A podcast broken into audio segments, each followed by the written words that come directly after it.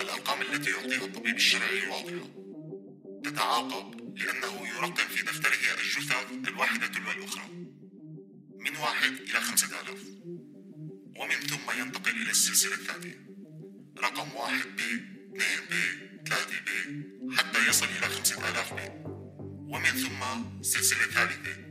واحد ثاء ولا تحتوي آلية التوثيق حرف التاء ثالث الحروف العربية.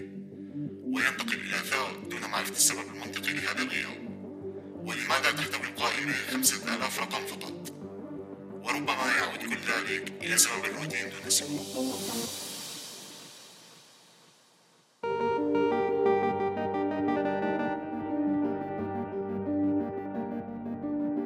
بودكاست الكاتبة. هو مسلسل درامي صوتي. يعالج باللغة العربية المحكية جانبا من محاكمة ضابطي مخابرات سوريين في مدينة كوبلنز الألمانية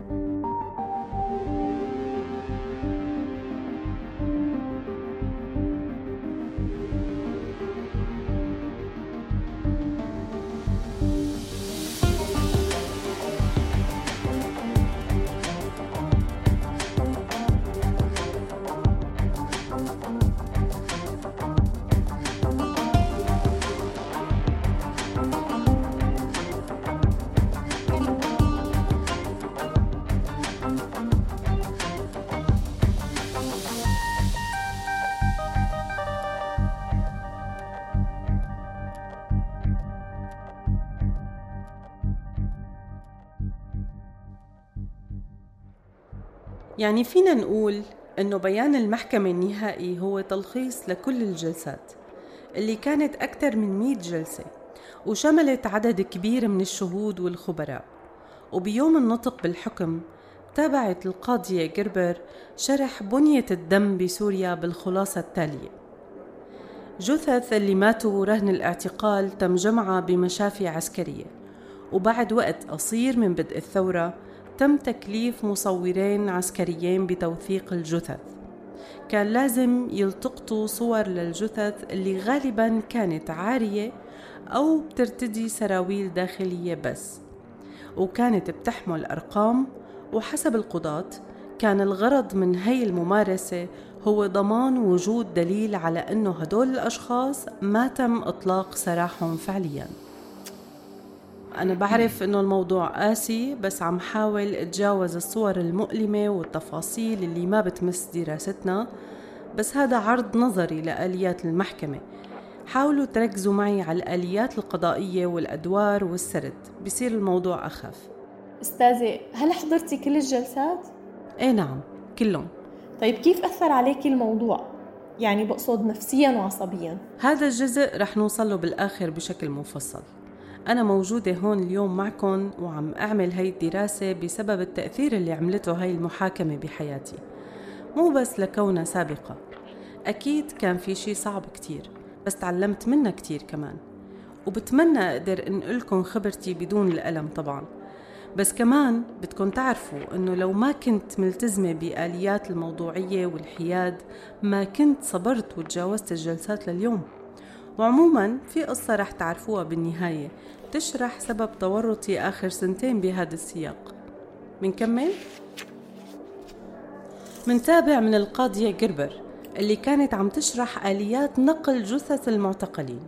بتقول هون ومثل ما شايفين ومن نقطة التجميع في دمشق ومحيطة تم نقل الجثث إلى مقبرة نجهة ومقبرة القطيفة بالشاحنات. وتم إلقائها بمقابر جماعية. وأوضحت هون كيربر أنه النتائج المذكورة تستند لحد كبير على ملفات قيصر وشهادة الصحفية الفرنسية غارونس لوكين اللي خبرت فيها المحكمة. باليوم الثامن والثلاثين من أيامها طبعا. بتجربة لقائها بقيصر المصور السابق بالشرطة العسكرية.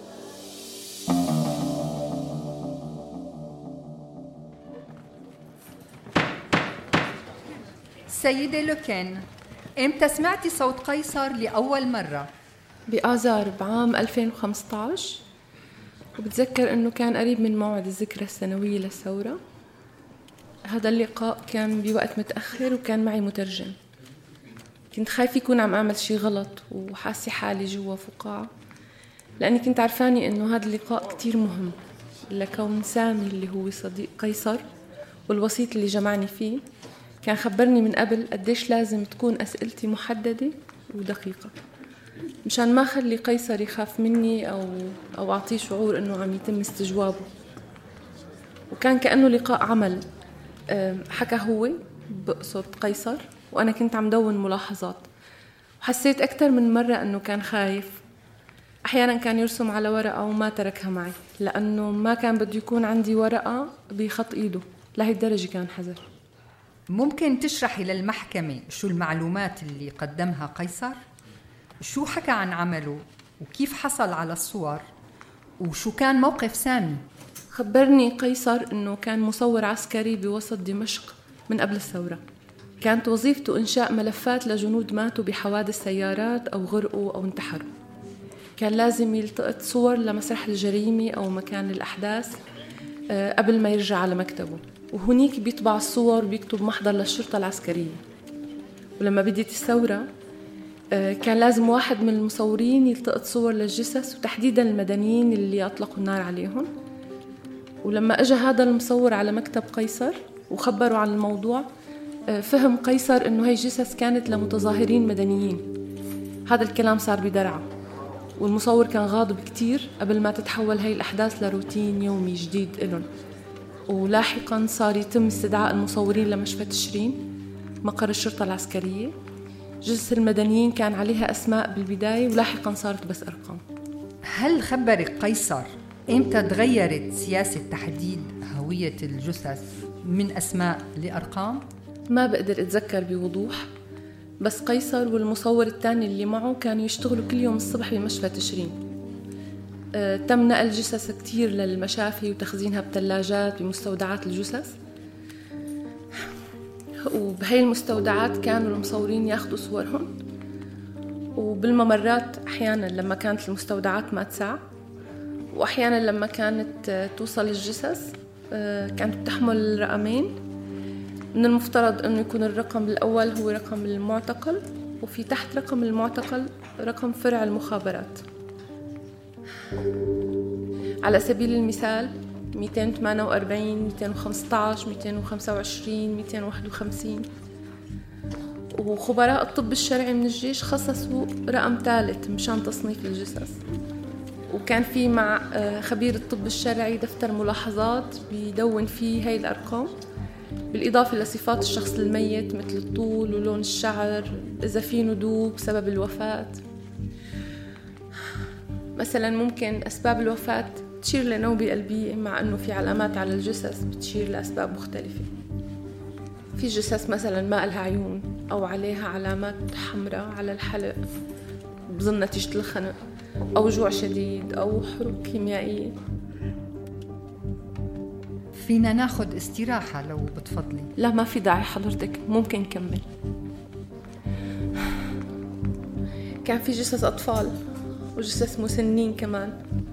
وبشي مرحلة بسبب الزحمة نقلوا الجثث لمشفى المزة اللي كان عمليا أكبر. بس بعام 2012 صاروا الناس اللي عايشين حد المشفى يشتكوا من الريحة بسبب تكدس الجثث. وكان قيصر وزملائه ياخذوا صور كل صبح بدون ما يقدروا يسألوا أي سؤال. وكان في سجان واحد بيرافقهم دائما.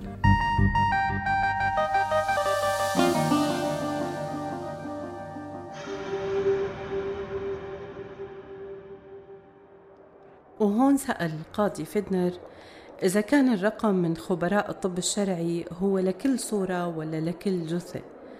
فقالت له أنه كان لكل جثة. سؤالي عن طبيعة النقاشات اللي بتدور خلال الجلسات. هل بتكون عادة مفتوحة؟ ممكن أي حدا من الادعاء أو الدفاع يتدخل فجأة خلال الشهادة؟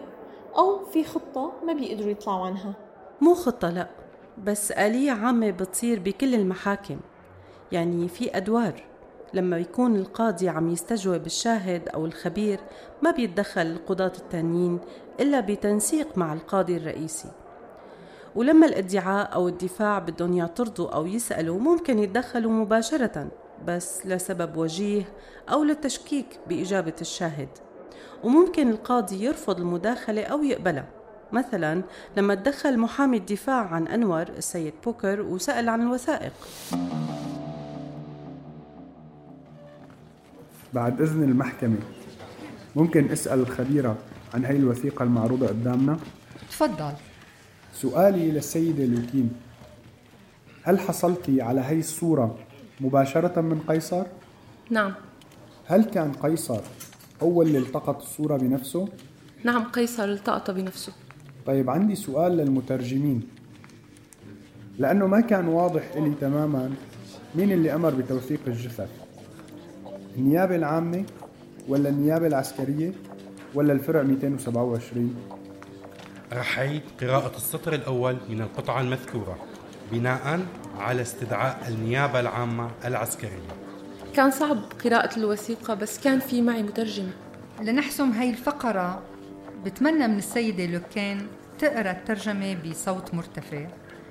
القطعة المترجمة من الفرنسية الألمانية بواسطة المترجمة السيدة كولر وبطلب من مترجمي المحكمة التركيز هون للتحقق من صحة الترجمة.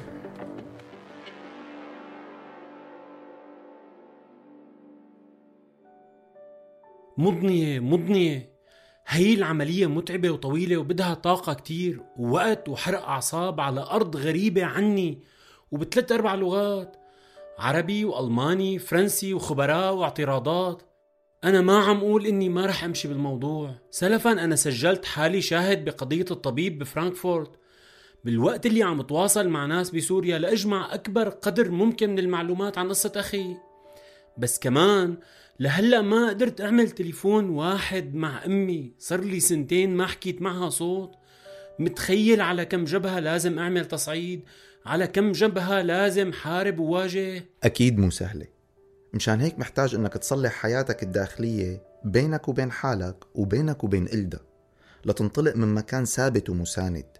إذا ناوي تعرف مصير أخوك وتحل هالقصة. هلا بعد استراحة الغدا رح لاقيها لإلدا بعت لها رسالة تنطرني ورح حاول خبرها اللي بتقدر تتحمل تسمعه. بتعرف هي آخر جلسة وكل الناس متحفزين. ما بالك هي.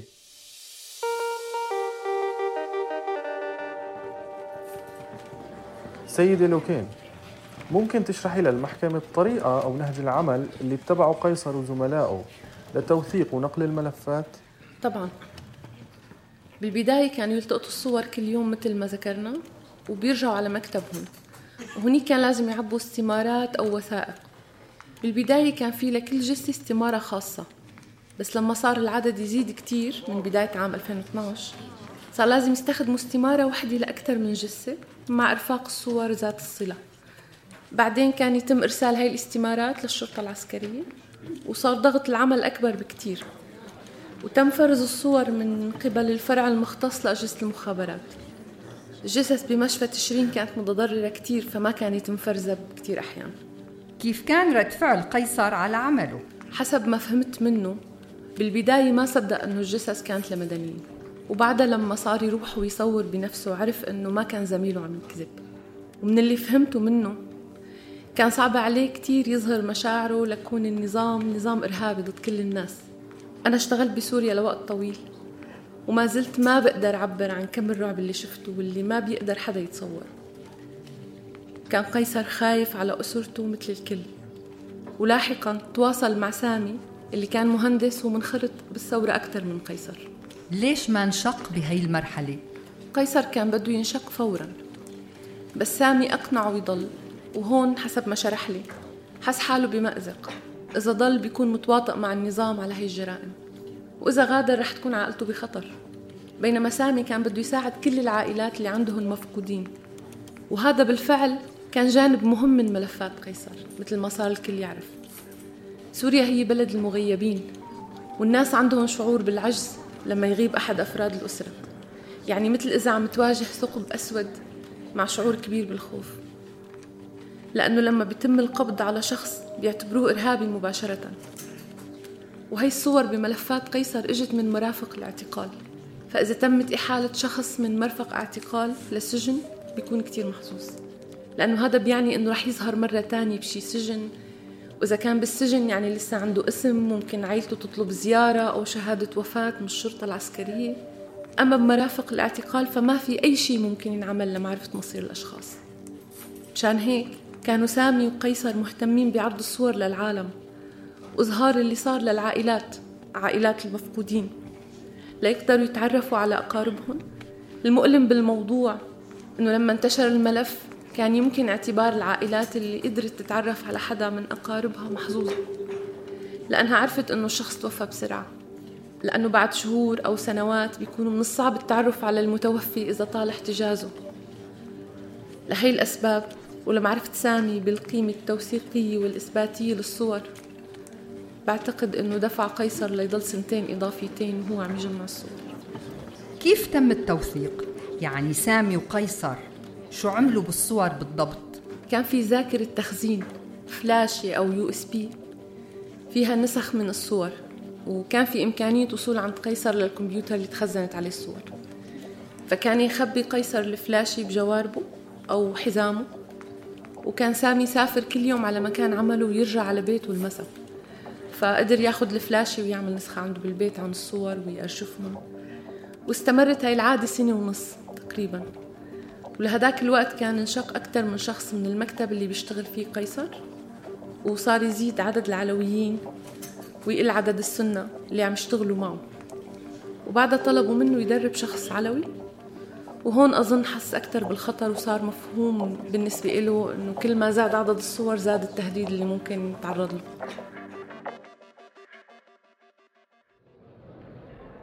شايفك تعبانة حبيبي. بدك أعمل شي؟ عادي هذا التعب تبع آخر الحمل وين رحت بالاستراحة؟ هذا الموضوع اللي كان بدي حاكيكي فيه وما كان عم يصير في وقت مناسب بعدت لك لألحق حاكيكي قبل ما ترجعي عن المحكمة لأنه ما بقى بدي أنطر أكتر ويزيد سوء الفهم بيناتنا أكتر من هيك خوفتني سيف شو في؟ لا لا لا تخافي في كل خير أنا بس بدي خبرك إنه صار لي فترة عم شوف طبيب نفسي. واليوم الصبح لما قلتي لي لازم شوف طبيب ما لقيت مكان بالحديث لخبرك عن الموضوع. كنت كتير ضاجة مني الحقيقة. ريحتني على فكرة ها يعني يا ريتك قلت لي من زمان. لو قلت لي كنت عرفت شو عم يصير معك ما كنت فهمت هاي التغيرات إنها مسافة وبعد عني أو حتى لوم. إلدا بعرف معك خمس دقايق لتفوتي. بس بدي تفوتي تحضري آخر قطعة اليوم وانتي متذكرة اللي رح قلك ياه ليش ما رح تفوت معي؟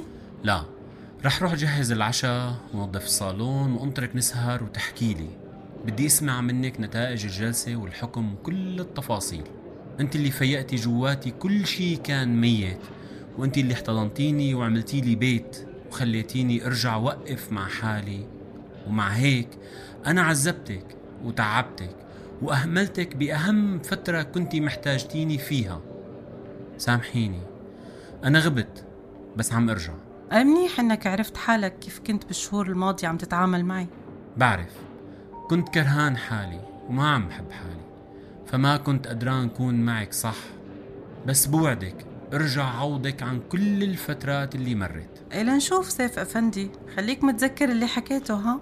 يعني بتسامحيني؟ إيه أنا أصلا ما كنت معاقبتك وبفهم كل شي مريت فيه ورح تمر فيه. كان بدي بس تخليني جنبك وأنت عم تواجه اللي عم بيصير. مو تبعدني عنك بزيادة. عموما اليوم تحكي لي بس ارجع شو صار مع الدكتور النفسي اللي عم بتروح لعنده بالسر. إذا بتحب يعني. لك أنا مو بس بدي أحكي لك بدي كمان أطلب منك تروحي معي على الجلسة الجاية. إيه على مهلك علي ما لحقت أهضم اللي حكيناه. كتار هدول. بعرف. آسف. بنحكي فيهم بس تخلصي. شو بتحبي تعشي اليوم؟ قصدك شو بتحبوا تتعشوا اليوم؟ أنا حسبني عن اثنين ولا نسيت؟ لك طبعا ما نسيت. بس انت وكيلة البيبي طالما لساتها ببطنك فبتعرفي كمان شو بتحب هي. أنا والبيبي منحب نتفاجأ. فتفضل فاجئنا أستاذ سيف. انطلق. لك تكرم عينك وعينها.